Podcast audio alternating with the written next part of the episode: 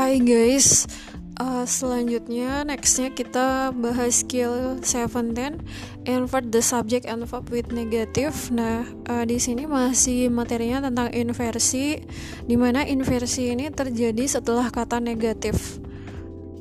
Nah, uh, terlebih dahulu kita harus mengetahui jenis-jenis dari kata negatif. Silakan dilihat di modulnya sambil dengerin podcast saya sambil dilihat modulnya di in page uh, 90 di halaman 90 invert uh, subject and verb with negatives the following the following chart list dengan the negative expression and sentence pattern used with them.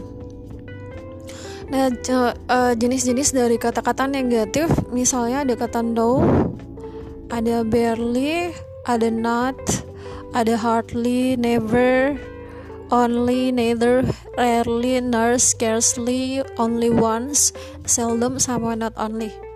Jadi ini adalah jenis-jenis dari kata negatif teman-teman. Jadi setelah kata negatif maka akan terjadi inversi di mana verb dulu baru subjek. Nah contoh kalimatnya misalnya rarely were they so happy. Nah rarely adalah negative expression atau kata yang negatif. Kemudian terjadi inversi di mana verb dulu baru subjek, were dulu baru they.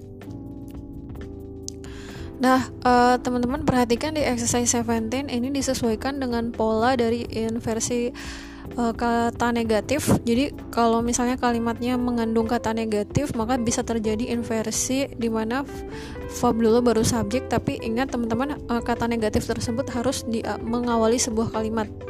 Nah, exercise 17 nom number one, number one uh, incorrect. Uh, nomor satu jawabannya salah. Kenapa? Nah, perhatikan di sini ada negative expression yaitu kata never.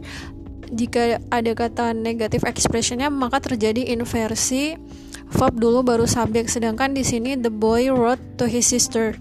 Nah, teman-teman di sini uh, the boy wrote to his sister menggunakan uh, uh, menggunakan verb berupa wrote.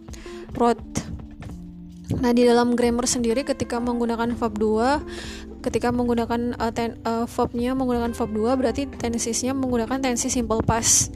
Jadi ketika menggunakan tensi simple past, teman-teman untuk inversi sendiri itu tidak menggunakan verb 2 tapi memunculkan verb berupa did did ketemu subjek kemudian ketemu verb 1. Nah, ketika terjadi pola inversi, maka terjadi ketika terjadi pola inversi pada tensi simple past, maka uh, setelah never harusnya diawali sama did, kemudian diikuti the boy sebagai subjek dan verb 1. Verb satunya uh, wrote yang uh, wrote yang tadinya verb 2 kita rubah menjadi verb 1 ya menjadi write write to his sister.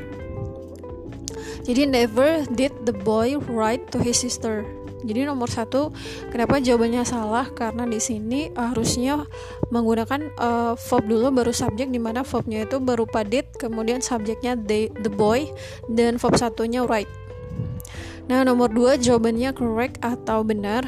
Nah perhatikan uh, di sini ada on no occasion, yang merupakan negative expressionnya karena ada kata no di sini So setelah uh, negative expression terjadi inversi. Nah di sini uh, kasusnya sama dengan nomor satu dia inversi yang terjadi pada tensi simple past.